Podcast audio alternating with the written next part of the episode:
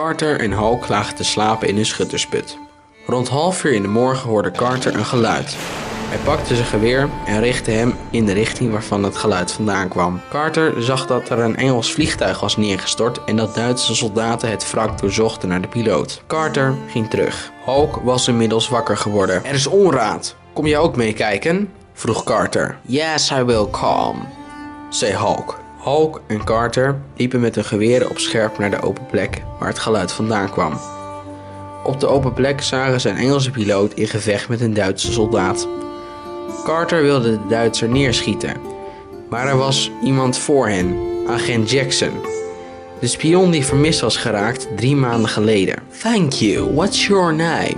vroeg de piloot aan Jackson. Geheim agent Jackson, SOA geheime dienst, zei Jackson. And who are you?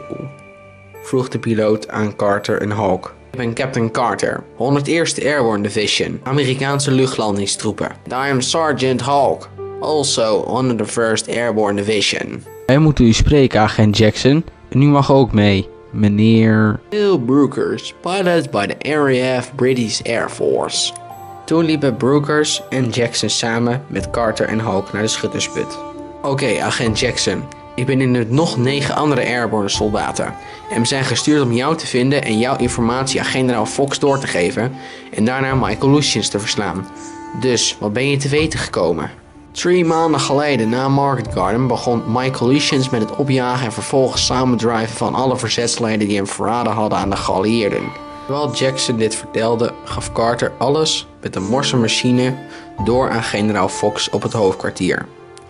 Toen Fox het signaal gaf dat het bericht begrepen te hebben, deed Carter de machine uit en zei: Nu wil ik wel eens weten waarom we niks van u te horen hebben gekregen. Eind oktober 1944 was ik alles te weten gekomen wat ik moest weten en wilde het doorgeven via een morsemachine.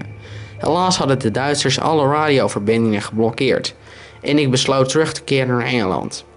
Maar het, op het goede moment vertelde mijn bondgenoot, Jurgen Tischler heette hij, dat Lucians erachter was gekomen wat ik hier deed en stond mij op te wachten om mij te vermoorden. Jurgen hielp mij toen vluchten en een onderduikadres te regelen. Die mensen van het adres probeerden mij zo snel mogelijk het land uit te krijgen. Jammer genoeg werden ze verraden en ik vluchtte het bos in. Dat was ongeveer twee dagen terug. We zullen zorgen dat, jij het land uitkomt.